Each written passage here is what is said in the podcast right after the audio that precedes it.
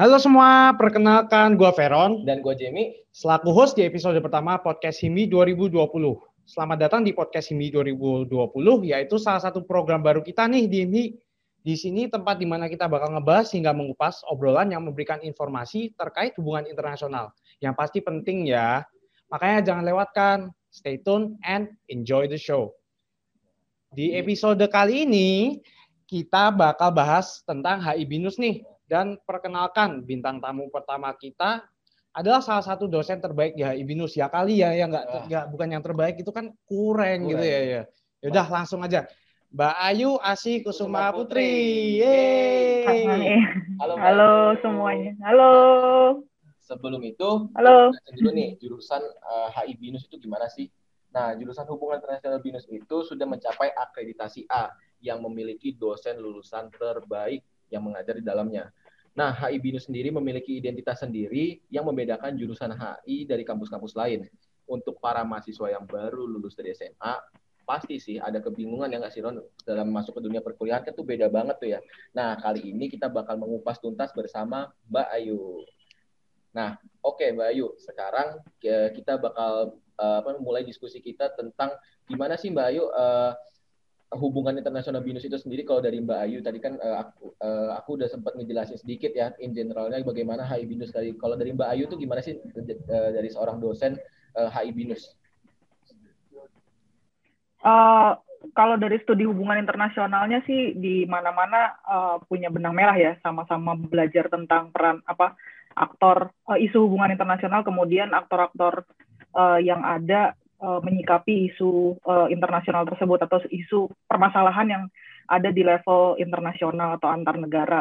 Nah, uh, kalau HI BINUS bedanya mungkin uh, kalau dari saya pribadi sih sebagai dosen BINUS uh, bedanya dengan HI-HI lain yang mungkin uh, di Jakarta, Jakarta dan sekitarnya ataupun di Indonesia adalah uh, kita uh, menekankan uh, pada aspek bahwa HI itu nggak cuma belajar uh, bisa, apa mahasiswa HI binus tidak hanya bisa uh, apa memiliki keahlian yang terkait dengan HI tapi juga bisa nanti kemudian expand skillsnya kemudian knowledge-nya dengan uh, bidang studi bidang studi yang lain. Karena kan kita ngikutin HI Binus kan program yang baru tapi progresnya cepat sekali ya. Sepak terjangnya cepat banget nih dalam kita baru 2012 berdiri tapi um, 8 tahun udah uh, straight akreditasi A gitu kan.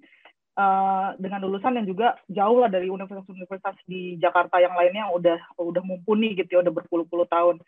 Jadi uh, apa namanya kita ngikutin perkembangan zaman dosen-dosennya masih relatif muda-muda gitu ya masih punya semangat yang tinggi.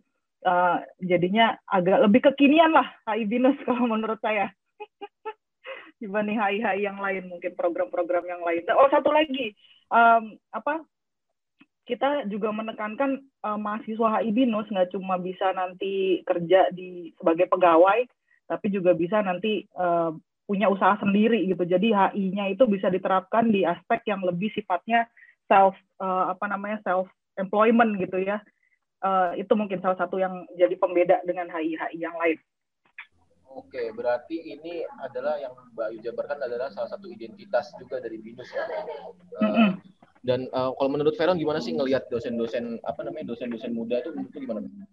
Dosen-dosen HI BINUS tuh gaul sih menurutku ya. Jadi mereka nggak mau dipanggil pak, nggak mau dipanggil bu itu udah langkah yang bagus gitu loh. Biar kita tuh kalau sama dosen tuh nggak melihat mereka secara struktural doang gitu loh. Kita melihatnya hmm. sebagai kawan gitu loh, yang mau membimbing kita. Itu sih ya. Wah, menarik sih. Dan apa namanya kalau dari Mbak Ayu sendiri sih ya aku aku ngeliatnya ya aku berpendapatnya bahwa uh, dengan dosen inginnya dipanggil Mas dan Mbak itu ya emang identitas uh, dari HI Binus sendiri itu ya itu yang paling spesial dari HI Binus ya. Di mana kita bisa mendekatkan diri dengan mahasiswa gitu ya Mbak kalau dari sisi dosen dan mahasiswa yeah. merasa dekat banget dengan dosen ya. Dan Arah. kita kita nggak gimana ya kita nggak susah gitu loh untuk menghubungi dosen. Dosen juga enak banget kalau buat diajak tanya jawab dan kita jadinya tuh kuliah tuh lebih lebih nyaman lah gitu ya di Enjoy banget. Enjoy banget. Nah, eh, menurut Mbak Ayu, kira-kira selain ya. keunggulan ya. dari akreditasi, dari identitas yang keunikannya itu, apalagi sih Mbak yang apa namanya uh, yang jadi alasan mahasiswa harus milih HI Binus, Mbak? Uh, di HI Binus kita nawarin ada namanya streaming ya. Um, untuk sekarang kita punya streaming ada empat. Salah satunya itu fokusnya ke multinational corporation. Aku berani jamin nggak, uh, jarang sekali program HI di Indonesia yang punya fokus studi itu ke multinational corporation. Itu satu. Kalau security studies mungkin di rata-rata ada. Terus tension apa namanya uh, international political economy atau trade rata-rata punya gitu ya program-program itu. Tapi di HI Binus ada program yang spesifikasinya untuk mahasiswa fokus ke perusahaan atau memahami perusahaan dan satu lagi itu contemporary issues and uh, new media. Jadi kita mulai beradaptasi dengan industrial revolution 4.0 nih. Jadi dengan new media kita belajar sosial media, kemudian digitalisasi apa namanya ilmu hubungan internasional itu sendiri gitu. Nah itu mungkin dua hal yang jadi unik gitu kalau uh, teman-teman mungkin rekan-rekan yang pendengar yang masih mau milih-milih gitu ya kuliah tahun depan uh, itu program yang membedakan HI Binus dengan uh, HI HI yang lain. Terus ada satu lagi kalau dari segi dosen selain tadi rata-rata mungkin usianya masih uh, relatif muda-muda gitu ya sekitar uh, mungkin in average 30 40 lah ya di di usia-usia segitu. Uh, selain itu tadi manggilnya masih rata-rata ya Mas dan mungkin ada beberapa yang prefer dipanggil Bapak Ibu tapi in general semuanya prefer dipanggil Mas dan sebenarnya ada sejarahnya nih Jem Peron kenapa uh, kita bikin tradisi seperti itu. Hmm, jadi sejarahnya jadi, apa tuh? Uh, nah, sejarahnya mungkin akan melibatkan universitas lain, tapi anyway aku akan ceritain aja ya.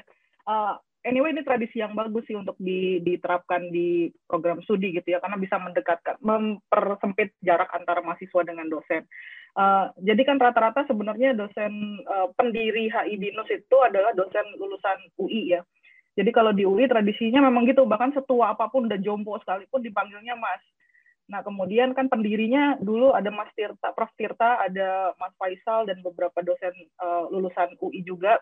Akhirnya kemudian melihat bahwa oh kita kan juga apa mendirikan binus, merintis binus, kita masih usianya muda. Mereka pada saat itu masih uh, early 40 gitu ya.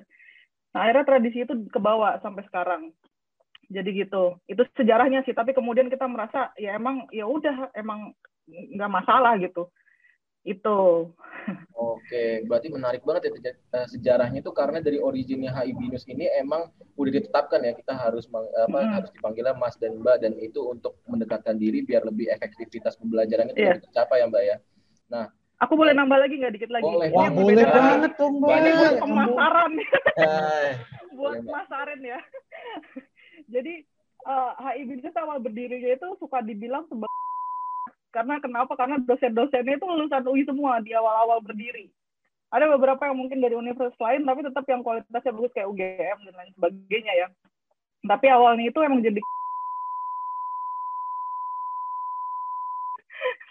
karena kualitasnya bisa dibilang kita sama, boleh deh bersaing karena sama-sama dari dari dari UI sumbernya dari tradisinya dari itunya kita emang dari sana. Jadi mau nggak mau kita begitu meri, apa membentuk program baru di binus kita ya mau mau mau nggak mau kebawa gitu kan ya uh, apa uh, approach-nya kemudian perspektifnya tradisinya gitu. Jadi boleh dibilang kalau mau kalau UI-nya gagal masuk binus sama isinya. Menarik. Berat, menarik berat, berat. Menarik ini. Ini ini menarik karena apa namanya bisa kita bilang apa namanya ternyata BINUS itu ya UI coret ya. Tapi benar juga ya karena dosen-dosen BINUS itu lulusan UI juga dan akhirnya berkumpul semua di HI BINUS gitu kan dengan membuat tradisi juga. Menarik. Nah, Mbak kira-kira uh, kita kan tahu kalau HI BINUS itu salah satu keunggulannya kan akreditasi A ya Mbak ya? Dalam waktu dalam jangka tempuh waktu yang nggak nggak eh, nggak panjang gitu ya, singkat Cuma, lah singkat banget gitu loh. gimana sih Mbak kira-kira kok bisa HI BINUS tuh ngebalap universitas lain yang punya HI tiba-tiba kita akreditasi A dan itu salah satu uh, yang kita unggulkan juga? Itu gimana sih Mbak kira-kira? Dan berapa pentingnya akreditasi itu untuk uh, sebuah jurusan HI gitu Mbak? Ya, um, pertama-tama sih aku uh, apa apresiat terhadap rekan-rekan dosennya ya gitu ya. Karena tadi mungkin karena semangatnya tadi masih ya lagi-lagi karena masih muda jadi semangatnya masih eager banget untuk mencapai yang terbaik di dalam waktu yang singkat gitu ya progresif sekali. Jadi dari segi penelitian dari segi pengabdian kepada masyarakat kemudian dari pengajaran dihajar terus dalam waktu dari 2012 sampai uh, terakhir kita akreditasi A itu 2018 gitu ya. Bahkan uh, yang lebih menarik sebenarnya pas akreditasi pertama itu tahun 2000, uh, 2016 15 ya 16 itu kita langsung dapat B. Itu jarang banget suatu institusi pendidikan program studi gitu ya baru akreditasi pertama kali belum ada lulusan itu langsung B B-nya B, B gemuk lagi. Jadi tinggal sedikit lagi karena nggak ada lulusan doang. Poin lulusan nggak ada. Jadi kita nggak bisa A. Nah pentingnya akreditasi sebenarnya karena itu menunjukkan mau di mana pun uh, kalian kuliah gitu ya program HI mana pun di Indonesia karena standar akreditasi itu akan sama jadi kualitas pendidikannya akan sama gitu ya. Jadi jangan ngelihat uh, univnya di ujung ber, ujung pulau sana, tapi kalau akreditasi HI-nya A ya sama aja sama yang sama universitas negeri di UGM, HI UGMA, HI UIA, ya HI BINUS sama juga standar ininya sama gitu. Jadi itu satu. Jadi standar prodi itu penting untuk dilihat kalau kalian memilih uh, apa uh, jurusan untuk kuliah. Nah, yang kedua untuk cari kerja beberapa apa namanya institusi pemerintah terutama itu memang melihat akreditasi perguruan tinggi karena penyaringan dokumen ketika kalian apply nanti itu biasanya dilihat dari akreditasi perguruan tinggi kemudian IPK dan lain sebagainya. Jadi itu yang biasanya membuat akreditasi ini jadi penting buat perguruan tinggi sehingga semuanya tuh memang berlomba untuk meningkat apa mencapai standar supaya bisa dapat A gitu. Kan unggul ya berarti. Wah, menarik banget sih. Ya yang aku penasaran tuh ini loh mbak. Jadi kan ini lagi pandemi nih. Semuanya kan sebenarnya serba susah ya. Kita belajar harus online dan sebagainya. Nah binus ini HI binus punya akreditasi A tuh kira-kira bagaimana ditonjolkannya ya dalam pendidikan online yang sekarang ini? Jadi uh, karena kita belajar online dan binus akreditasinya A gimana binus tuh bisa nunjukin kalau ya kita tuh live up to the accreditation gitu loh. Bagaimana kita menunjukkan kalau kita tuh memang akreditasinya A dari belajar online. Ya, dan pantas ya, per... dianggap gitu ya sebagai akreditasi A ya. dalam belajar online. Yo. Oh, yo. Pertanyaannya menarik. ya, uh, sebenarnya menariknya gini ya, karena BINUS kan sebenarnya uh, awalnya tuh kuatnya di IT gitu kan, program IT-nya BINUS semua udah kenal lah ya di mana-mana. Terus akreditasinya juga udah internasional. Nah, kita itu udah mulai sebenarnya program apa mekanisme belajar yang semi online itu sebelum ada pandemi loh. Kalian nyadar nggak? Kalian nyadar nggak bahwa sistem belajar online itu udah ada di BINUS sebelum masa pandemi sudah dirintis ya, dengan ya, adanya ya. GSLC, ya.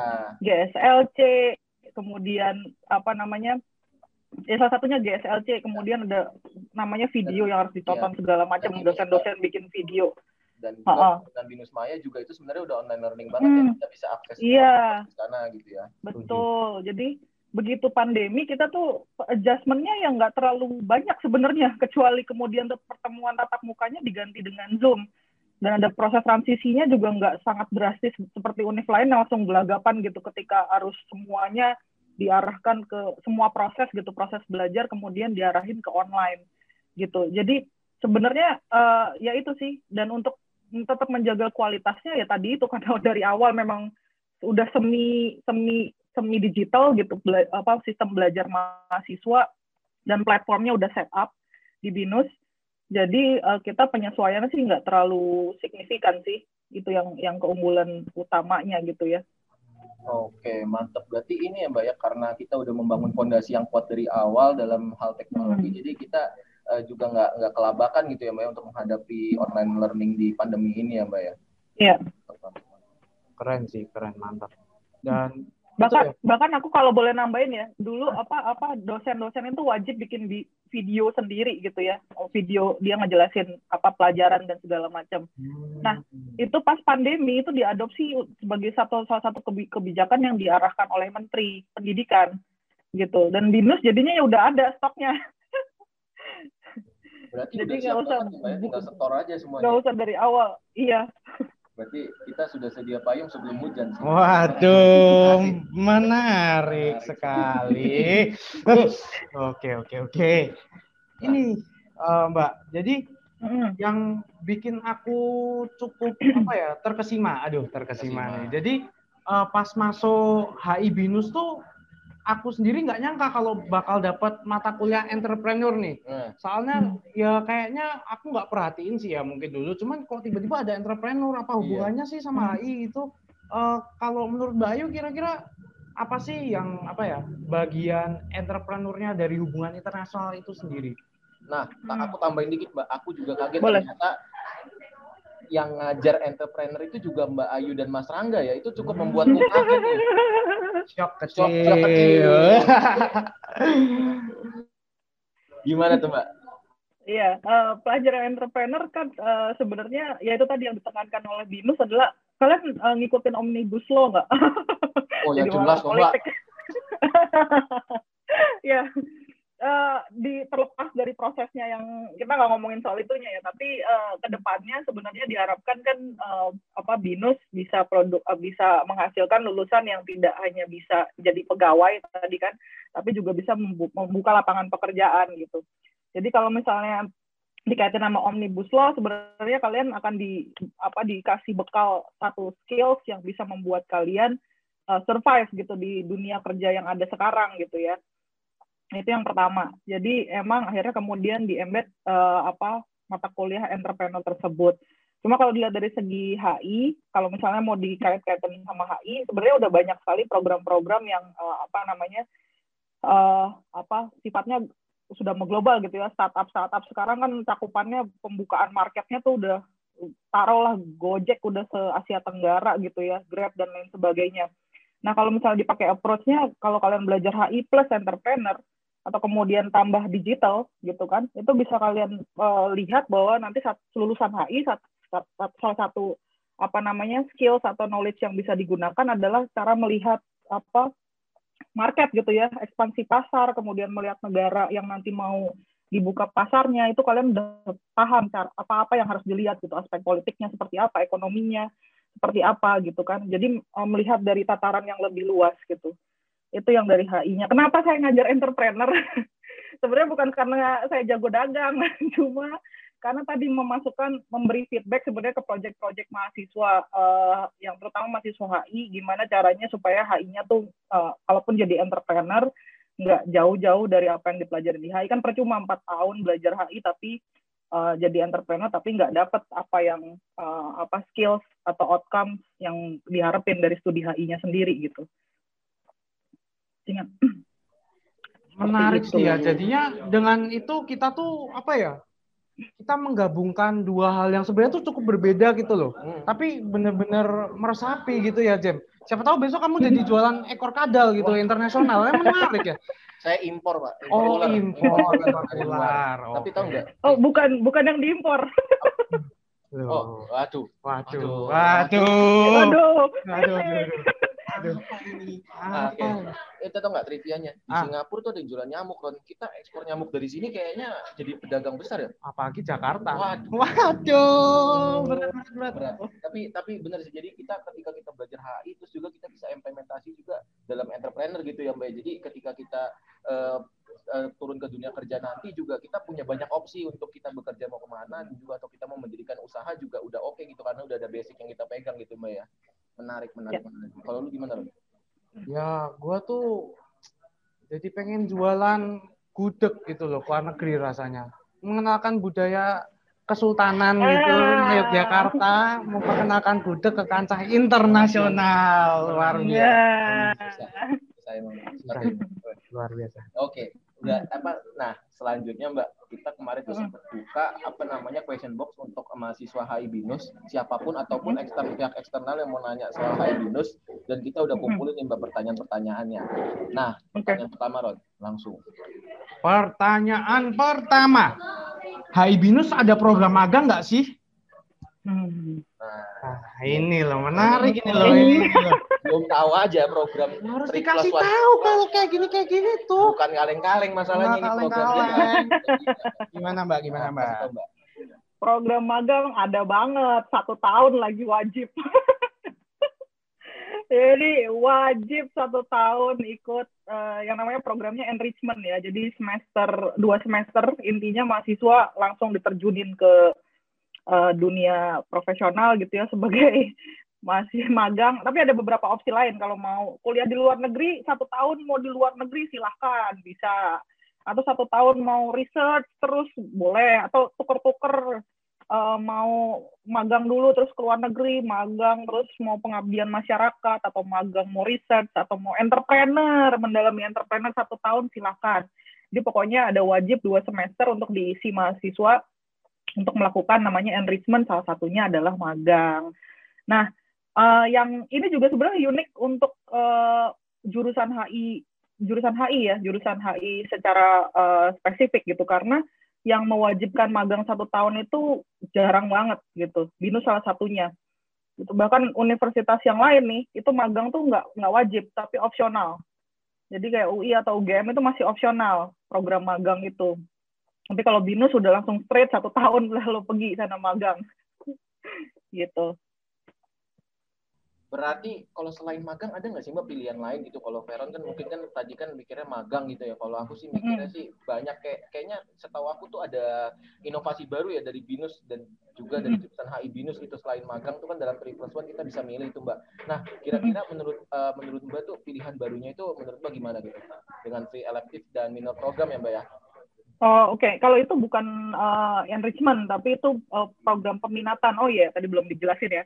Jadi tadi kan baru ngomongin soal ini ya streaming yang di dalam HI. Nah ada program lain nih yang bisa ditawarkan ke mahasiswa HI Binus itu program minor namanya. Ini nanti ribet nggak ya ngejelasin minor sama satu lagi free elective nih. Konsepnya sebenarnya gampang. Konsepnya adalah uh, kita ngikutin apa namanya arahannya dari Kemen, Kementerian Pendidikan juga tentang kampus merdeka namanya.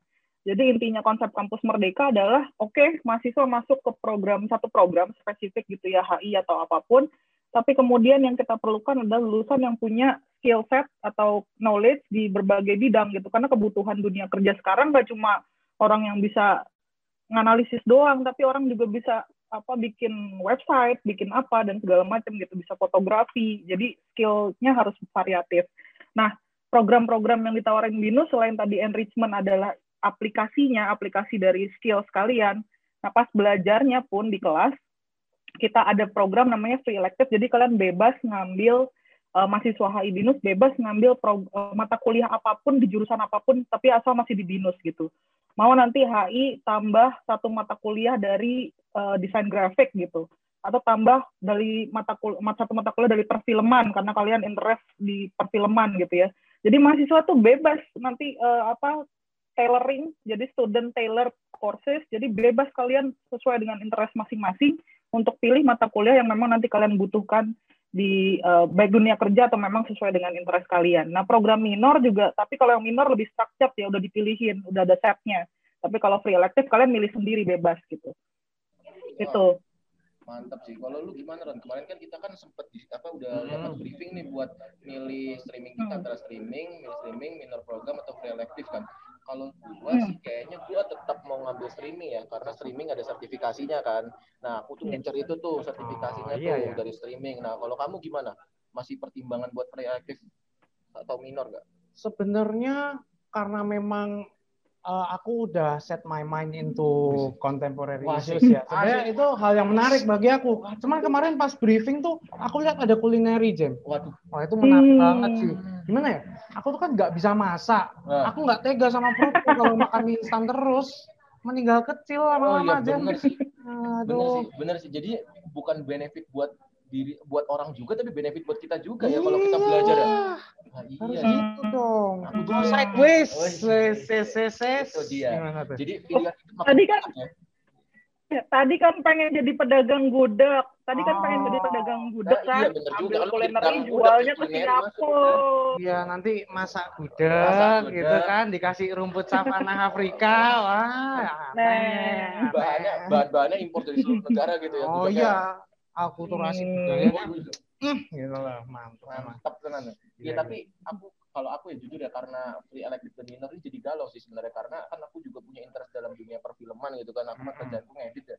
Cuman dapat apa namanya dapat bisa dapat dari perfilman hmm. tuh sesuatu yang lumayan beneficial ya buat aku ya. Jadi kalau ditanya kamu bisa ngedit? Oh bisa pak. Saya dulu pernah ngambil mata kuliah ini di kampus gitu karena dibolehin. Oh ya langsung nah approve langsung kan ya? Itu. Hmm. kayak itu loh Regas Batu Neja ya apa tuh? namanya. Masa nggak tahu gak sih? tahu, dia aku. sutradara film hebat loh lulusan The Brito biasa. Ya. ya kan? Ya. keren ya. gitu loh. Ernest. Tahu Ernest nggak Ernest? Ah ya oh ah. Ernest kan HI cok. Lulusan HI Oh, alah, ya ampun. Sekarang Iya, jadi Ernest sutradara, Iya. jadi ini Ernest tuh udah mirip aku ya kan. Terus aku tinggal menjalani jejak karir. mirip mana? Mirip dari sisi apa sih, Jem? Dari sisi budaya. Oke, Oke. budaya. Ya kan? Dari sisi budaya udah mirip ya kan. Ah. Kayaknya eh, raut muka juga mirip. dikit. Raut muka Dikit, boleh, dikit, boleh, dikit. boleh, Nah, boleh. Aku tinggal menapaki jejak karirnya Ernest itu tinggal Oh. na- ambil perfilman itu beres. Tapakan kecil, Eh, tapakan tapakan kecil. kecil. Setidaknya aku udah punya cita-cita Hmm. untuk jadi dia gitu. Harus loh. punya cita-cita Hmm. dong. Lah. Gimana Ya. Nah, sekarang kita kan udah ngebahas dari streaming udah, dari program T plus One udah. Nah, eh, ketika kita bicara soal HI kan kita selalu ngomongin Hmm. diplomasi tuh Mbak ya. Nah, di di HI Binus tuh ada nggak sih latihan diplomasinya gitu Mbak? Oh, ada. ada. Nah, Ada namanya mata ya, ada nama satu mata kuliah namanya Diplomasi Politics. Wih, Saya ngajar kebetulan. Wah, pantesan gacor toh. Ayo ngajar di sini kita lagi ngobrol. eh, aku aku Iya, mahasiswanya ada. Oh, iya. mahasiswanya Mbak Ayu. Ini mahasiswa Oh. kelasnya. Belum, belum, belum, Belum, ya. latihan, belum Ya. latihan lagi dipersiapkan. Oke, oke, menarik. Ada, ada, ada. Makanya kita ada dua lab nih. Ada labnya bentuknya juga, wow, udah sophisticated banget lah. Cocok buat foto-foto Instagram. Ada lab untuk si- simulasi sidang diplomatik gitu. Ada dua kita punya, satu di Kemanggisan, satu di Alam Sutra. Nah di mata kuliah itu nanti eh, apa? Ada prakteknya. Nah prakteknya itu praktek diplomasi, praktek sidang. Oke, berarti praktek sidang beneran ya Mbak ya? Berarti kayak MUN gitu ya. Kita udah punya mata kuliah Hmm. khusus untuk membahas itu ya Mbak ya. Hmm, iya. Kalau ruangannya mirip banget ya biar atmosfernya kerasa gitu kan. Iya, Deg-degannya rasanya kayak ngomong di depan petinggi-petinggi negara lain gitu loh. Kan beneran Ah, berdiri beneran. Uh, Latihan dulu, latihan dulu sebelum terjun Oh, oh, tapi, tapi tapi tapi masih pandemi, jadi nggak Ah, boleh didatangi. iya. Jadi kita online dulu. Iya, itu dia. Kita berharapnya ya biar cepet selesai pandeminya. Soalnya matkulku juga, jadi aku pengen, pengen Takut ya nilainya. Iya, takut saya. Aduh. Nah, Mbak, kita kan kalau bicara soal HI kan berarti kan kayak orang-orang tuh punya pendapat kalau HI itu wah bahasa Inggrisnya bagus gitu kan. Nah, bahasa pengantar perkuliahan di HI itu apakah semuanya bahasa Inggris sih di HI Binus terutama ya? Apakah semuanya bahasa Inggris atau mix eh, gitu, Mbak? Eh, 60% dalam bahasa Inggris, tapi sisanya pengantarnya dalam bahasa Indonesia. Tapi eh, materi bacaannya eh, kan kita harus latihan ya, latihan. Namanya juga anak HI tetap harus latihan paling nggak paham teks dalam bahasa Inggris. Jadi mayoritas bacaan sih sekitar 90% masih dalam bahasa Inggris. Tapi bahasa pengantar di perkuliahannya 60% mata kuliah dalam bahasa Inggris, sisanya masih dalam bahasa Indonesia. Jadi campur-campur. Campur-campur berarti ya, berarti nggak perlu takut Mm. ya. Soalnya tuh aku dengar, Mm. aduh kak takut kak nggak bisa bahasa Inggris. Ya tuh kenapa sih kan kita sama-sama belajar Nah. makanya kita kuliah Mm. HI binus lagi. Iya, dosennya itu kalau pengalaman aku masih jadi mahasiswa dulu ya itu juga aku dari anak daerah gitu kan dari Banten aduh ikut ah, pokoknya cupu banget terus masuk kuliah HI gitu kan ketemu anak-anak Jakarta bahasa Inggrisnya aduh macam-macam. Tapi akhirnya sih sebenarnya encourage kita untuk bicara mumpung orang-orangnya bahasa orang Indonesia juga. Nanti ketika kalian dilempar ke luar negeri ngomong langsung sama bule udah paling nggak udah pernah latihan dalam kelas gitu. Ja- jadi jangan malu kan sama-sama orang Indonesia mah. Ya namanya juga bahasanya bukan bahasa kita. Kalau salah mah ya udah salah aja. Tapi kalau orang bule kan kupingnya udah langsung gatal kalau kita salah gitu kan. Jadi mending eh, ruang kelas itu jangan ditakutin tapi justru kalian tuh harus eh, menggunakan kesempatan itu untuk latihan gitu Kalau dulu tuh aku diajarin ada 3T. Apa tuh? Tidak Hmm, takut, apa tuh Takut, tidak malu, tidak malu, tidak malas. tidak malas. Nah, Berarti itu tiga T itu untuk belajar bahasa. Apa ya, semua? semua hal. Semua hal. Terutama kalau untuk belajar bahasa mending itu ya. 3T Iya, itu. kenapa harus takut gitu kan semua orang berproses gitu kan ya. Wis, asik. berat, asik, asik, asik. berat, berat, berat, udah berat. ngomongnya berproses berat ya. Aduh, Bang. ya, berarti sebenarnya dosen tuh masih ngasih kebe- kebebasan ya Mbak ya, kalau untuk kita pakai bahasa tapi lebih tekankan untuk kita saling belajar gitu. Mumpung kita Hmm. masih sama-sama orang Indonesia gitu ya jangan saling celah-celah Aaron lu kalau oh oh. Apa? Ya ampun, Inggrismu tuh bagus, Jamie. makasih makasih sebenarnya intinya HI intinya HI itu bukan nanti kita cekin grammarnya segala macam. Ya kalau nulis iyalah oke sekilas kita cekin. Cuma yang penting kan kita bisa mengekspresikan pendapat. Nah, namanya anak HI udah harus nganalisis terus berpendapat kan, debat pendapat ya biasa lah. Mengekspresikan pendapat dalam bahasa Inggris gitu. Nanti yakin deh ketika kalian kerja, apalagi kerjanya di kantor yang udah wah internasional gitu kan, terus disuruh ngomong kaget tiba-tiba ya kan jadi susah juga. Jadi Gitu. kecil. Jadi mending, mendingan biasa ngomong aja apa kayak salah AEO AEO masih di ruang kelas namanya belajar kan Ah, Madep, eh. aduh, susah, susah. Iya, berarti mesti dilatih ya Ron ya. Berarti Iya. dari sekarang tuh kalau kita Hmm. punya keterbatasan dalam bahasa ya mesti dilatih. Ditekuni. Ditekuni. Apalagi. Vero tuh Hmm. sering banget bantuin aku kalau soal bahasa Inggris kan Oh. aku juga dari. Bali kan. Aku 9 tahun di Bali ya aku nggak nggak ngerti apa-apa, Mas. Oh, gitu ya, Mas. Iya, Mas. namanya namanya aja udah bule banget Fern Wah, keren. Waduh. Menarik, menarik. Menarik, menarik. Namaku, namaku juga boleh sih, tapi nggak cocok. Jamie Jamie. Jamie. Jamie. biasanya namanya Jamie Ya, Mbak, apa namanya? Kalau Hmm. kita kan udah hampir ngebongkar semua nih dari HI Binus ya, Ron ya. Hmm. kayaknya udah kita spill Hmm. semua sih ya harusnya. Iya ya. sih. Udah Hmm. kayaknya yang tertuang udah banyak banget nih. Kayaknya Iya, udah tempat tumpah, tumpah. tumpah. Tumpah, Iya. parah ini. Nah, terakhir nih Mbak, kalau dari sisi akademis HI Binus itu eh, kita tuh pernah ikut lomba kayaknya banyak yang Mbak setauku ya. Nah, apa Oh. namanya? proyeksi jurusan terhadap lomba-lomba itu gimana sih Mbak? Kayak apa apakah jurusan punya eh, visi khusus untuk eh, lomba-lomba ini gitu, Mbak?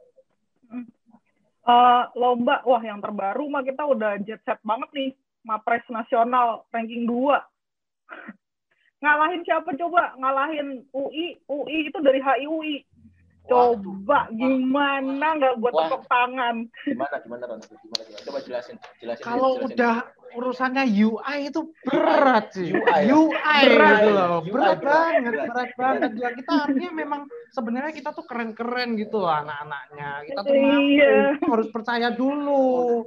Energi ikuti imajinasi.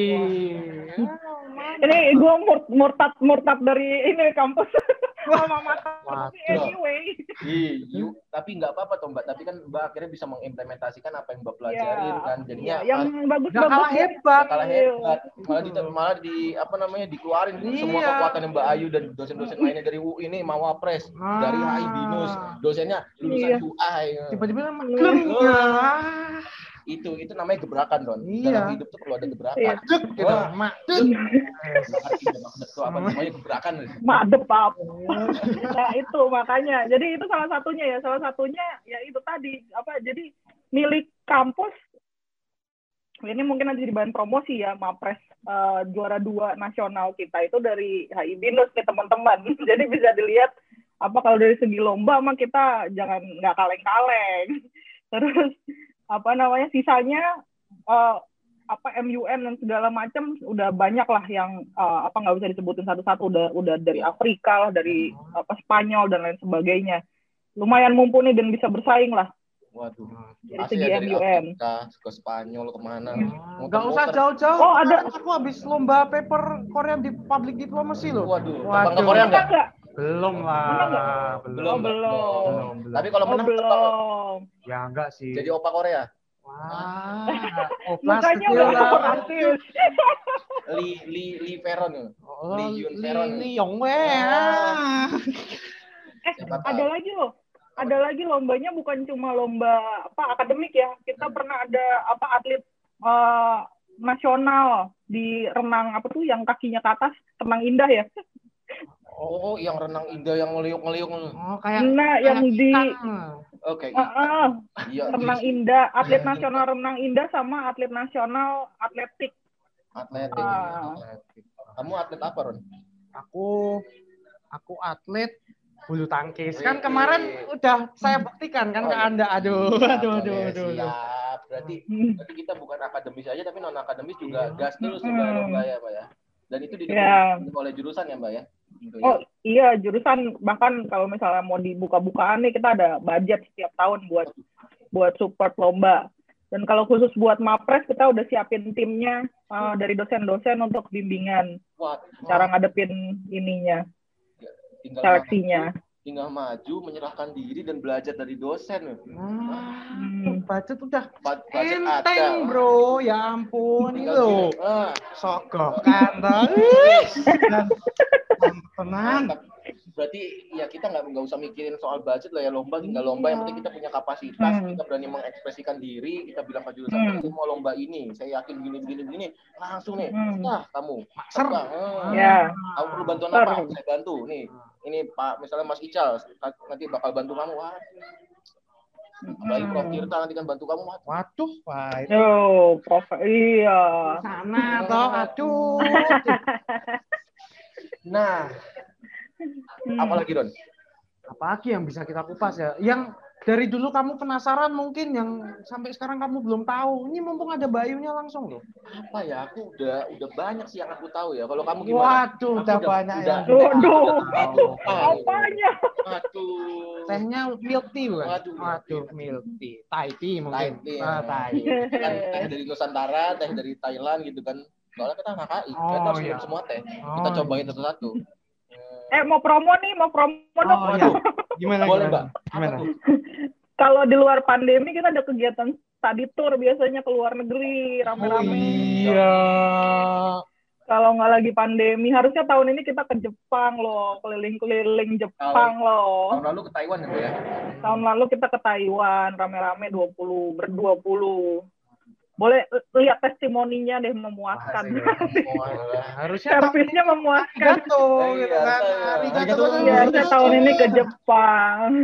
Aduh, harus ada pandemi Gitu. ini sih, tapi ya gimana Ya, lagi gimana ya lagi. kita Kita dulu Ya. kita persiapkan yang lebih baik ke depannya. Hmm, Iya. kali. Mungkin kita bisa tahun depan ke Amerika kali ya, ke White House. Oh, Ketemu kalau kuat Presiden dananya. Iya, kan belum tahu kan belum Oh, dipilih. belum belum dipilih Iya, ya. nanti Siapa, yang tahu. kepilih kita langsung Oh. datengin. Ini bukan preferensi pribadi kan? Bukan. Oh, bukan ya. Kita ngomong realistisnya Ya. aja gitu kan. Oke, oke. Kalau saya masih mempelajari ya Mas ya. Oh. Sebagai mahasiswa HI itu harus mempelajari semua bagian. Hmm, hmm, hmm. Sebelum kita menentukan pilihan. Betul sekali. Ya kan kalian nggak milih. Iya kan kita kan ini aja Mbak sebagai mahasiswa itu kan harus apa namanya harus berpikir kritis Mbak. Jadi Ah. isu-isu internasional kita pikirin secara matang-matang gitu Mbak. Anak HI. Anak HI, oke. Eh. Nah kalau dari lu apa Ron? Kalau gue sih udah nggak ada lagi sih ya. Aku sih ada satu hal yang penasaran Apa sih. tuh? Jadi Apa tuh? dulu pas kita lagi academic orientation nih, kita zaman kita kan ada gastro diplomasi nih. Nah Oh, Itu tuh kok kayaknya belum terlalu berkembang ya di BINUS. Mungkin cuma di satu event itu dulu. Sebenarnya gastro diplomasi kalau di HI BINUS tuh gimana sih dikenalkannya? gastrodiplomasi nih acaranya atau gastrodiplomasinya nih? Diplomasi makanannya. mungkin secara acaranya dan konteksnya juga ya. Iya apa sih. eh, apa namanya dari gastrodiplomasi itu sebenarnya ada ada tujuan-tujuan apa atau seberapa pentingnya juga Hmm. sih Mbak da- gastrodiplomasi itu dalam dalam diplomasi secara formal gitu loh. Ini kan termasuknya diplomasi Hmm. yang apa namanya yang cukup nggak nggak formal-formal banget ya Mbak. Aku lupa sebutannya apa Mbak. Ya, eh, soft ga- gastrodiplomasi kan part dari meningkatkan soft power. Waduh, gue bicara teori nih ntar. Wah, Kita kelas dulu saudara-saudara. Teori kecil. Aduh. Oke, boleh. gampangnya untuk teman-teman yang masih SMA, asik. Intinya sih gastrodiplomasi itu cara negara untuk memperkenalkan uh, kebudayaannya dengan melalui makanan gitu ya. Jadi makanya uh, kayak Jepang gitu kan sukses banget kan kalau kita sushi kita langsung mikir Jepang gitu. Kalau apa kimchi langsung mikir Korea gitu. Apa Thai apa bukan? Es hmm, bukan. Apa sih namanya? Uh, tom yum kita langsung mikir Thailand.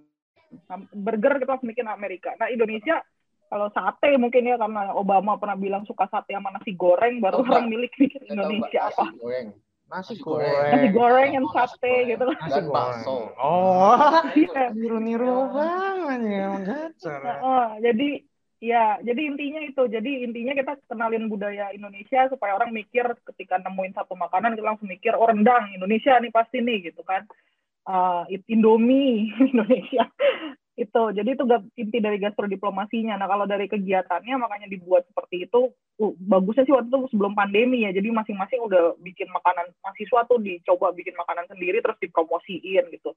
Itu kan cara mereka akhirnya karena konsepnya gastrodiplomasi akhirnya mereka bukan cuma tahu cara bikin makanannya tapi karena buat promosiin makanannya mereka harus belajar dulu background negaranya kan.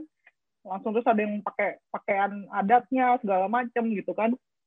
Nah gitu. Jadi uh, akhirnya mencakup semua aspek nggak cuma makanan aja tapi budayanya gitu budaya negaranya Berarti diplomasi aman perut kenyang. Ah, nah itu. Urusan perut tuh emang menyenangkan Tapi gitu loh. pengalamanku buruk tahun lalu, Ron. Kan Gimana? cinta itu ci ada pepatah cinta kan datangnya dari perut. Waduh, Wah, aku baru dengar sih jujur ya. Iya. Emang iya ya, cinta datang dari perut ya? Iya kan kalau dibuat sama wanita Anda besok kenyang kan kamu bahagia. Oh, iya. Itu, itu yang sulit. Itu loh. Itu yang sulit Itu soalnya nggak punya wanitanya Iya. ya, Mas. Berat kalau kayak gitu. Oh, curcol. Jadi curhat ya. Oh. ini ini sih mbak pengalamanku sih tahun lalu ya antusiasmenya tuh tinggi banget ya sampai-sampai negaraku tuh udah masak Hmm. apa namanya kan aku kan dari negara apa aku lupa ya Jamaika aku dari Oh. Jamaika itu masak Hmm. daging daging asap dengan bumbu-bumbu yang ya tahu sendiri temanku Hmm. tuh anak-anak apa namanya anak tata boga kan gila gitu Mm, Bikin Wih, bumbunya wah mantap banget mbak aku cuma nyobain bumbunya doang dikit mbak dagingnya udah nggak ada di sisa bumbunya doang di piring itu bener-bener semua ngantri di tempatku hmm. wah itu sih menarik sih diplomasi aman Hmm. budaya dapat perut kenyang Yo. Hmm. Itu bakal masuk kurikulum nggak sih, Mbak? Sebenarnya itu kalau dimasukin kurikulum tuh menjadi suatu pembelajaran yang oke nggak kalau Mbak sendiri? Nggak. gastrodiplomasi Yes. spesifik. Sebenarnya topik bahasannya harusnya sih masuk ke mata kuliah diplomasi atau foreign Indonesia atau foreign policy yang lain gitu ya. Cuma ya itu tadi karena sistemnya online sebenarnya kan kalau kita kuliah biasa nih kita ada dua shift gitu kan yang bisa bahas lebih banyak materi. Tapi karena kalau sekarang kita terbatas sesi video conference jadi nggak bisa membahas secara spesifik tentang gastrodiplomasi. Oh, oke ya semoga Hmm. kita cepat kelar pandemi lah ya Amin. Hmm. Ya Tuhan, ya Tuhan. Amin. kalau kelar waduh gastro diplomasi kan ya udah Gastrodiplomasinya pakai ayam Rocky kali. Waduh. Wah, ayam Rocky Bami Evata Wah, waduh berat, berat, berat, berat. berat Jangan lupa apa kantin kesayangan kita. Ade. Apa tuh? Oh, iya base camp bro Base camp, base camp, base camp sih kacau sih kacau. kacau kacau Kue tiaunya loh. Waduh, itu Beneran, aku orang makan ya wah lapar, lapar. berat, berat, nah berat, berat. Hmm. gimana Ron? Itu sih ya, itu aku tadi paling penasaran sebenarnya gastro diplomasi itu doang sih. Udah. Apa lagi? Apa lagi? apa Dari lagi kamu ya? ya? yang bisa dibongkar lagi ya mungkin kalau kita Apalagi? di sini Nanti apa pada namanya? nggak penasaran yang Iya, selanjutnya harus dibuat penasaran dibuat penasaran. dong. Iya. ya aku sengaja sebenarnya aku kunci ada satu yang belum Oh, buka. Kamu cuma pura-pura nggak tahu Iya aja kan, dong. gitu kan. Kayak aduh gimana, gitu kan. Aduh bingung. Ah, bingung kecil. Kecil. Cuma paling pesan buat di anak kalau yang dengerin masih anak-anak SMA ya, masih SMA mau milih jurusan, jangan apa namanya HI itu kadang-kadang salah kaprah nih kalian salah kaprah nggak milih jurusan waktu itu? Wah, aku sih sebenarnya nggak Enggak. salah. Aku gimana ya dibilang salah kaprah juga enggak. Aku Hmm. orangnya you only live once. Jadi aku ngeliat hubungan internasional binus akreditasi A, langsung daftar wes. Gaspol, Wah. remblong. cuma ngeliat itu aja tuh dua dua itu hubungan internasional binus akreditasi A. Pas aku buka-buka Instagramnya, wah prestasinya banyak wes. Belas. Langsung set set set set, set, Nah, gitu Yang kan. aku tahu juga kan itu kan bicara soal politik ya. Aku Iya. kan anaknya suka banget politik nih. Wah, kacau. Nah, jadi ya udah aku langsung aja gitu. Mungkin tapi kebanyakan yang mbak aku dengar tuh salah kaprah. sih. Kalau lu salah kaprah nggak? Iya. eh identiknya diplomat doang gitu loh. Padahal kan, ya ampun aku tuh pengen buat research gitu loh, yang keren-keren gitu loh. Jadi Hmm. akademisi, Wah, Eh, kan sih. bisa ya gitu kan. Sama sih. Aku juga awalnya kan mikir, aduh masa iya sih kerja cuma diplomat paling nggak kalau nggak kerja kantoran kan. Hmm. Aku suka buat riset kan. Bang. Hmm. Ternyata visi jurusan HI Binus juga punya visi untuk jadi riset, Ron. Untuk Iya. jadi akademisi lagi dipersiapkan untuk ngajar Iya. orang lagi. Waduh, aku suka banget soal pendidikan tuh aku udah suka banget. Gak bisa ngajar tuh adalah salah satu passionku ke depannya mungkin ya. Kan Hmm. mimpi Adalah- adalah, kunci. kunci. Ya, Nah, itu. itu loh. Jadul banget lagunya. Iya. Aduh, Pak, jangan dibuka, jangan Waduh. dibuka. Itu itu itu itu underground kita jangan dibuka. Oh, Jangan underground. dibuka. Ya. gitu Jangan underground jangan dibuka. Kalau jadul-jadul jangan dibuka. Malu sama umur. Aduh. Nah, Ya itu makanya buat adik-adik SMA tadi yang diomongin sama Jamie sama Veron gitu. Apa HI kadang-kadang mikirnya eh, gampang gitu. Pokoknya nanti belajarnya soal negara-negara gitu. Udah kayak kita mau jalan-jalan travel agent gitu kan belajar negara Gitu. negara. Terus bisa jalan-jalan ke luar negeri ya belum tentu. Mata kuliahnya jalan-jalan. Jalan-jalan di sekitar kuliah jalan-jalan negeri nggak taunya nggak taunya belajar postmodern Waduh. Itu loh. Belajar nggak taunya belajar. Foucault Opo iku? Abot niku Mas. Nah, jadi Iya, makanya. Mbak Ayu Hmm. juga udah mengingatkan ya, berarti jangan Gimana? salah kaprah. Apa yang kita jelasin tadi udah sebenarnya inti dari HI ya, Mbak ya. Dan kita Hmm. malah kita nggak terlalu banyak bahas soal apa yang biasa orang ngomong Heeh. kayak diplomat, diplomat, diplomat. Udah, diplomat tuh enggak lah Mbak Ayu aja bukti jadi dosen. No. Hmm. Nah, Mbak, apa mengenai Ini ini ini apa namanya di luar ini ya ini bukan promosi tapi gara-gara masuk HI malah gue nggak mau jadi diplomat. boleh buka-bukaan tuh Mbak? Boleh buka-bukaan tuh Mbak? oh, boleh. Saya mau buka-bukaan saya juga Mbak. Wah. Awalnya kan saya mikirnya kan, waduh, apa namanya jadi diplomat kalau nggak kerja di pemerintahan dong. Ah. Nah, Hmm. ternyata Iya. setelah pikir-pikir lagi ada yang namanya Oh, foreign belajar policy foreign policy decision making tak pelajari waduh abot abot guys nggak bisa nggak bisa Abot ya? Mendingan aku baca aku ajarin ke orang lain daripada aku ngelakukan sendiri pusing Raisa. Mas, angel. Ngel-ngelan. Angel. nah tapi tapi nggak apa-apa ketika kita masuk ke HIBINUS kan pilihan banyak Iya. aku juga apa namanya Banyak. menyediakan semua gitu kan jadi Ah. kita bisa aja yang tadinya nggak mau jadi diplomat jadi diplomat aku yang nggak kepikiran mau jadi Hmm. pengajar tiba-tiba jadi pengajar itu gimana ya? Ya, mengubah jalan hidup Wah, itu itu aku banget tahu. Waduh, begitu tuh Mbak. Waduh, menarik. Kalau berarti kalau dari Mbak Ayu sendiri dulu kepikiran diplomat terus tiba-tiba belok ya kan? Belok kanan ya Mas. Iya. Yang Ini, penting Mas. jangan lupa sen. Oh, jangan lupa sen biar Iya. biar gak ditabrak. Iya. Itu. Harus. Nah. Mbak, apa namanya terakhir nih Mbak yang yang aku agak penasaran kan aku kan apa namanya baru semester 3 nih Mbak. Nah, eh, kalau tingkat Hmm. kesulitan tuh gimana sih Mbak? Soalnya aku ngerasa kayak semester 1 tuh berat banget loh. Berat banget terus masuk ke Hmm. semester 2 ya berat juga gitu kan Oh. ada teori-teori banyak masuk ke semester Hmm. 3 banyak lebih ke arah Hmm. implementasi gitu kan. Nah, apa Hmm. tingkat kesulitan tiap matkul tuh diaturnya tuh gimana sih Mbak? Kalau semester satu pasti basic-basic ya, makanya beratnya itu ya karena kalian kaget gitu tiba-tiba ya tadi itu karena mungkin awalnya apalagi kalau awalnya salah kaprah tadi itu begitu jeder masuk ke HI dikasih ini HI itu ini gitu kan itu jadi barang baru gitu ya barang baru yang belum pernah kalian bayangkan sebelumnya akhirnya jadi berat gitu kan karena masa penyesuaian. Uh, kalau apa begitu masuk ke, ke semester 2, ketiga kalian udah ter- mulai terbiasa nih, ah, paling nanti ketemunya, bukan paling ya, nanti akan ketemunya dengan hal-hal yang sama. Ah, nanti kalian bisa ngeliat polanya gitu. Nanti balik lagi ke realism, re- liberalism dan teori-teori turunannya gitu, yang sudah di sebenarnya udah dikasihkan di bab satu, eh di semester satu. Ah, jadi kalau dari awal itu adalah kalian cuma bisa menjelaskan, nanti di semester 2 kalian bisa lebih banyak menganalisis porsinya di situ. Bagi semester 3 kalian mengaplikasikan dan sampai seterusnya nanti akan analisis application, analisis application gitu. Oke, berarti semester Jadi level kesulitannya di situ. penting ya Mbak ya, berarti semester Mm, awal. Jadi semester jadi misalnya semester awal kalian masih kerja kelompok, bikin summary aja kelompok misalnya. Nanti semester 2 ya udah harus bisa terbiasa bikin summary sendiri. Nanti semester 3 bukan summary lagi tapi harus bikin paper gitu. Paper yang ada yang lebih analitik porsi analisisnya lebih besar karena eh, pemahamannya adalah kalian harusnya udah terbiasa baca bahan HI, udah terbiasa bikin um, summarize gitu ya, menjelaskan kembali. Jadi harusnya udah bisa critical analysis gitu. Jadi level kesulitannya di situ sih kita nentuinnya semester 1 dan seterusnya. Oke, berarti itu Hmm. secara kurikulum tuh udah diatur segmen-segmennya. Jadi awal kamu harus Hmm. nih belajar nih buku 563 halaman teori. Hmm. Tapi kelompok. Oh, kelompok ya. Kelompok. Pondasi dulu. Kalau kata Iya. aku jarjit tuh sikit-sikit lama-lama jadi bukit. Hmm. Emang keren ya kita ini karena belajar HI semuanya tahu ya jargon-jargon luar gitu ya. Kacau, Nah, kacau.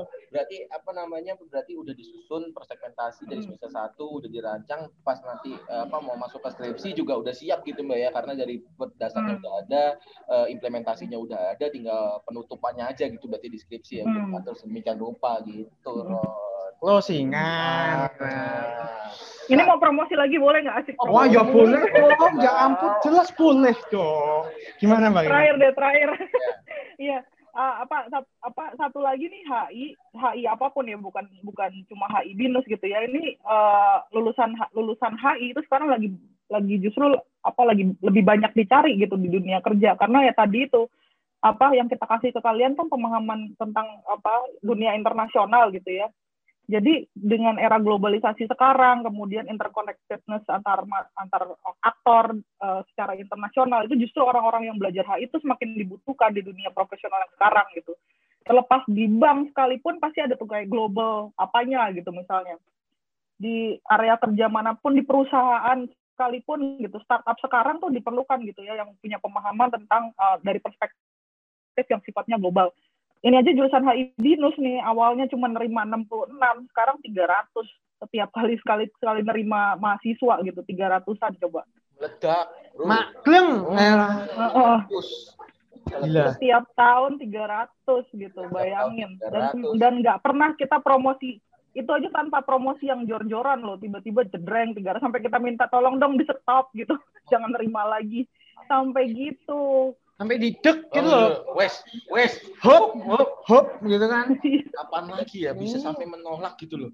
Jadi keren loh kita tuh kayak itu tanpa promosi loh. Tanpa promosi apalagi kalau pada dengerin ini waduh. Tanpa promosi, nggak ada kita tempel. Saya punya gedung ada kita tempel-tempel di apa job street gitu kan. Waduh, kayaknya kita next kita ini ya Mbak ya bikin gedung sendiri kali ya buat Ibinus yang lima empat ratus lima ratus. Atau kita ini lantai. Waduh anggrek 400 lantai. Waduh. Satu lantai, satu angkatan. satu lantai, satu angkatan. Wah, menarik sih ini. Waduh. Ada, ada, ada. Mantap, mantap, mantap. mantap. Oh, terakhir, terakhir. HI eh, Binus punya global class. Aduh, lupa deh. HI Binus punya global class. Oh, kita tuh hubungan internasional. Masa gak ada global-globalnya sih, Jamie? Nah. Gimana tuh, Mbak? Gimana tuh, Mbak? Apa yang bikin global class tuh mantap? Ya, Oke, terakhir nih, eh, terakhir banget nih, udah terakhir. Oh, Setelah itu kalian ngeditnya gimana lah. ya. Jadi HI Binus ada program, ada dua program. Satu program reguler, satu program global class. Bedanya yang global class adalah semuanya dalam bahasa Inggris gitu. Jadi kalau tadinya reguler 60% doang, kalau global class 100% dalam bahasa Inggris. Lalu kemudian jumlah mahasiswanya cuma kita ambil 30. 30 pun itu yang uh, kita apa namanya kita select dari yang daftar uh, pastinya ada prosesnya, ada interviewnya gitu. Jadi nggak cuma daftar doang. Jadi memang selected yang bahasa Inggrisnya paling tidak 500 TOEFL-nya. Karena tadi semuanya sampai lulus dalam bahasa Inggris dan ada wajib study abroad atau wajib kuliah di luar negeri satu semester. Wajib kalau yang ini. Gitu. Dan mereka langsung berangkat aja nanti semuanya udah di setup sama Binus tinggal apa namanya? Wah, tinggal tinggal pasang tinggal badan. jalan lah. Tinggal pasang oh. badan, bawa pakaian huh? dan bawa laptop, bawa buku, berangkat. Tiket udah ada. Universitas tujuan udah pasti ada. Bisa milih lagi. Bisa milih kan Mbak ya universitas hmm. tujuannya ya Mbak ya? Bisa milih, mau banyak lah udah pernah ada yang di Prancis, Belanda, Korea, Taiwan. Diwajibin. Wajib kuliah sama enak tenan loh. Rangapusi aku mas, enak tenan. Semuanya difasilitasin gitu loh. Kurang enak apa lagi? Iya. Tinggal apa belajar, lagi? tinggal belajar udah. Iya. Yang penting siap ini, siap, siap ini, siap ini. Siap ini bro. Oh ya kita siap butuh ini hati. Hati. Kita butuh hati. Oh, Kesiapan mental. Nah mental. Mental. Gak bisa yang abal-abal. Namanya oh. juga global class loh. Gak bisa yang abal-abal dong. Apalagi full Inggris ya kan? Iya pusing aku aku aku can relate lah pusing, nah ini ngomong-ngomong soal mental kayaknya bisa buat next nih ya mental. Wah, mental. mental mahasiswa. Mental mahasiswa. Hmm. Hadapi kurikulum-kurikulum ini dan juga Apa tuh episode 2. Wah, menarik. Menarik ini. Menarik. Makanya dikasih intip-intip dikit ya, aja kan tadi. Itu, itu sebenarnya sengaja aku sengaja ya? Biar oh, sengaja. tuh pada mau dengerin lagi. Gimana? Itu dia. Itu dia. Nah, loh. berarti karena tadi udah terakhir terakhir terakhir nih sekarang mungkin terakhir bukan ya? Ya, terakhir terakhir. Nah, ini Mbak, ini uh, apa namanya kalau di TV-TV namanya segmen pamungkas. Oh, Bambang Pamungkas. Oh. Nah, jadi pesan terakhir untuk apa namanya dari Mbak Ayu untuk mahasiswa yang mungkin baru masuk dan juga yang lagi pikir-pikir apakah pengen masuk HI gitu. Ada nggak sih pesan terakhirnya dari apa nge-summary semua apa yang kita omongin dari tadi gitu, Mbak? Mungkin uh, pesan terakhirnya adalah ya tadi HI Binus itu bolehlah ditandingin sama HI mana pun di seluruh Indonesia gitu kita berani jadi silakan mau dibandingin apa ya dosennya oke okay. mau dibandingin mahasiswanya boleh fasilitas silakan gitu ya. Jadi uh, jangan ragu-ragu. ada harus ada HI binus di dalam radar kalian. Oke, okay, oke okay lah fine kalian mau nyoba kuliah di apa universitas negeri gitu ya, silakan. Tapi HI binus harus ada di radar kalian gitu karena itu pilihan salah satu pilihan yang bisa dibilang adalah salah satu pilihan yang harusnya top top uh, option kalian gitu, bukan alternatif karena tadi semuanya kualitasnya boleh kita kita adu sama yang lain-lain. Boleh World Class University. Kita udah bukan menantang kecil lagi nih kayaknya. Ah, udah nantang besar Karena ini. Mbak Ayu yang udah menantang, kita juga ikutan nantang nih. Yo. Jangan jadikan Ayu. Ap, iya, apalagi dalam kondisi pandemi, Binus ready sebelum pandemi. Sangat sangat ready. Ready banget. Ready banget. Hmm, bro. ready banget. Gila, gila, gila, gila. Pusing belajar ada VBL, video based Hmm, learning. Iya. Mm-mm. Lupa dosennya ngomong apa? Ada di resource Bima. Waduh. Itu dia udah siap banget ya. Udah siap banget. Udah, kita nggak bisa lagi nantang-nantang kecil, kita udah nantang besar. Jangan sampai tidak memasukkan high binus dalam pilihan kalian untuk berkuliah. Dan juga untuk mahasiswa semester 1, jangan nyesel duluan. Jalani dulu aja apa yang ada. Asik. Kalau dari Bayu untuk mahasiswa semester 1 gimana Mbak? Yang mungkin kayak lagi struggle. Mahasiswa semester 1. Iya, yang Ngelanjutin dari kata-kata kamu deh. apa tuh? Lanjutin dari kata-kata kamu. Nggak kenal maka nggak sayang. Ya ampun, ya Aku ampun. aku nggak bisa, aku nggak bisa kalau ngomong sayang-sayangan. Waduh, kalau sayang-sayangan urusan urusan berat ya. Berat, Berat tenan, Pak. berat. Berat tenan. Tapi ya nggak apa-apa, aku mengikhlaskan diri. Oh, mengikhlaskan diri. Iya, harus. Makan tahu tempe pakai sego. A- apa tuh? I love you but I'm letting go. Waduh. Abot, abot. Aduh. Aduh, aduh. Jadi ya apa jangan semester satu tuh belum ada apa-apanya. Semester dua tiga ba- lebih banyak hal menarik yang menunggu kalian gitu. Kalau semester satu baru gitu aja kalian udah ini kalian akan meng- apa akan melewatkan pengalaman-pengalaman menarik di semester-semester selanjutnya. Jadi harusnya lebih excited gitu. Berarti jangan apa namanya? Jangan melihat buku dari covernya aja. Iya. Baru cover, Nah, bro. ini baru cover semester ini baru baru nyelupin kaki sedikit gitu. Bisa dilaminat. Belum merasakan sensasinya. rasakan sensasinya. Ah, sensasi Iya. Kalian gak lihat nih berdua nih yang udah kuliah satu tahun tuh sensasinya gini. Aku yang dulunya apa namanya nggak suka ngomong gitu kan. Kalau dibilangnya introvert gitu kan, aku ketemu teman-teman Introvert. Hmm. belajar dari banyak dosen gimana cara yang ngajar di kelas, aku malah jadi pengen jadi dosen loh. Jadi cerewet ya kamu ya Iya, kulihat-lihat ya. makanya. Tapi cerewetnya positif, Positif. tentunya menyebarkan aura-aura yang Iya. mengenakan. gitu loh. positif Iya. gitu. Nah ingat ya, Iya. maka tak sayang jalani dulu aja apa yang ada. Asik. Mm-mm. Aduh, Aduh, aduh. Udah, gitu aja. gitu aja ya. Gitu aja. Oke. Kita, Udah. Kita harus buat closing statement yang hmm, gitu loh. Apa? Gimana tuh? Ya itu tadi. Ya, itu gimana? Ya itu. Oh, ya udah. Kalau dari kamu deh, dari kamu itu kan dari aku sama Mbak Ayu. Aku kamu Oh, sekarang. jadi Nggak kamu bisa. menyerang aku Iya, kecil gitu iya, ya? iya. Ya kurang lebih sama sih.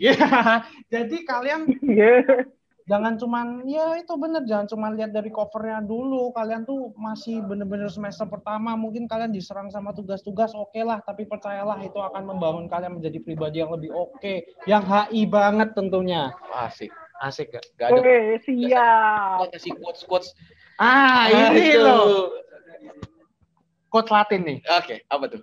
Audentes fortuna ivat Empat. Artinya, artinya nah, artinya Ah. fortune favors the bold artinya lagi. artinya kalian tuh harus berani aja karena kalau kalian berani keberuntungan akan mengikuti kalian Oke. jos gak tuh Jos parah. Jos banget Yang penting. Terus. berani untuk Ah. menerima tantangan. Oke, segitu aja dari kita bertiga. Terima kasih untuk Mbak Ayu yang sudah menempatkan udah, udah menyempatkan diri untuk hadir dan berbincang-bincang dengan kami. Dan nampaknya panjang juga perbincangannya karena banyak banyak tumpah jadinya ya. seru banget Seru banget aja. Saya aja baru tahu. wow Saya baru tahu. Sekarang sekarang sekarang Sekarang udah punya ciri itu dulu, sekarang HI Binus. iya. Proudly present HI? Binus. Coretnya udah HI binus Gak apa-apa, itu kan fun fact. Oh, fun Itu fact ya? Trivia, trivia, Iya. trivia. Oke, terima kasih untuk Mbak Ayu yang udah banyak ngasih teh wah luar biasa banyak banget dan juga Mbak Ayu yang udah memotivasi kita semua bahwa kalau dosen tuh ngeliat tuh kalau kuliah itu masih kalau masih awal udahlah jalani dulu aja Yes. karena masih banyak yang lebih seru ke depannya gitu loh. Iya dong. Itu karena dosennya sedang ngajar, dosennya sedang ngomong berarti kita harus ikutin. Iya dong. Pasti karena Bayu yang ngajar. Iya. Iya, berarti Bayu bakal ngasih pengalaman yang seru. Oh, pasti nggak mungkin Mbak Ayu nggak ngasih yang Nah. yang biasa-biasa yang kuren-kuren. Kuren. Kok jadi ngasih beban ke gue? Enggak, tapi emang pengalaman Mbak seru Mbak, seru. Seru apalagi apa namanya kelas yang Bayu kalau online tuh udah seru juga gitu loh. Hmm. Aku apa namanya ngerjain kuisnya suruh nonton diplomasi panda, yo aku seneng lah. Hmm. Diplomasi seneng. Anda. Wah, udah dah. Ntar, next next next. Buat next next buat next, buat next. Nah, ya udah, gitu aja teman-teman. Terima kasih yang udah ngedengerin. Mohon maaf kalau kepanjangan, tapi semoga isinya berbobot ya untuk Berbobot harusnya. Bukan semoga lagi, udah yakin lah. Ya udah yakin lah. Udah yakin berbobot. Nah, Fix. silakan closingan yang formal dong. Mbak Ayu, terima kasih sekali sudah mau hadir menyempatkan waktunya buat berbincang-bincang santai tapi sangat berbobot. Ini nggak cuman pendengar-pendengarnya nih yang apa merasa tercurahkan. Iya. Aku sama Jamie aja sampai wow banget. Iya. Serius kalau ini Mbak, wow Iya, banget. Sampai keringetan saya, Mbak. Sumuk sih juga ya. Tapi ya keren lah. Pokoknya makasih banget, Mbak. Dan untuk teman-teman pendengar, semoga kalian bakal menjadi pendengar setia dari podcast Himbi 2020. Oke, dan mungkin kalau teman-teman punya saran lain gitu ya, apa yang perlu kita bahas, mungkin nanti kita bakal buka ruangnya ya untuk Pasti. next-nya ya. Pasti, Pasti. pasti, karena kita akan menjawab semua permasalahan kalian, seluruh pertanyaan kalian biar kita bisa kuliah mantap bareng-bareng Oke. Sampai jumpa semuanya. di next podcast dari Himhi 2020. Dadah. Dadah.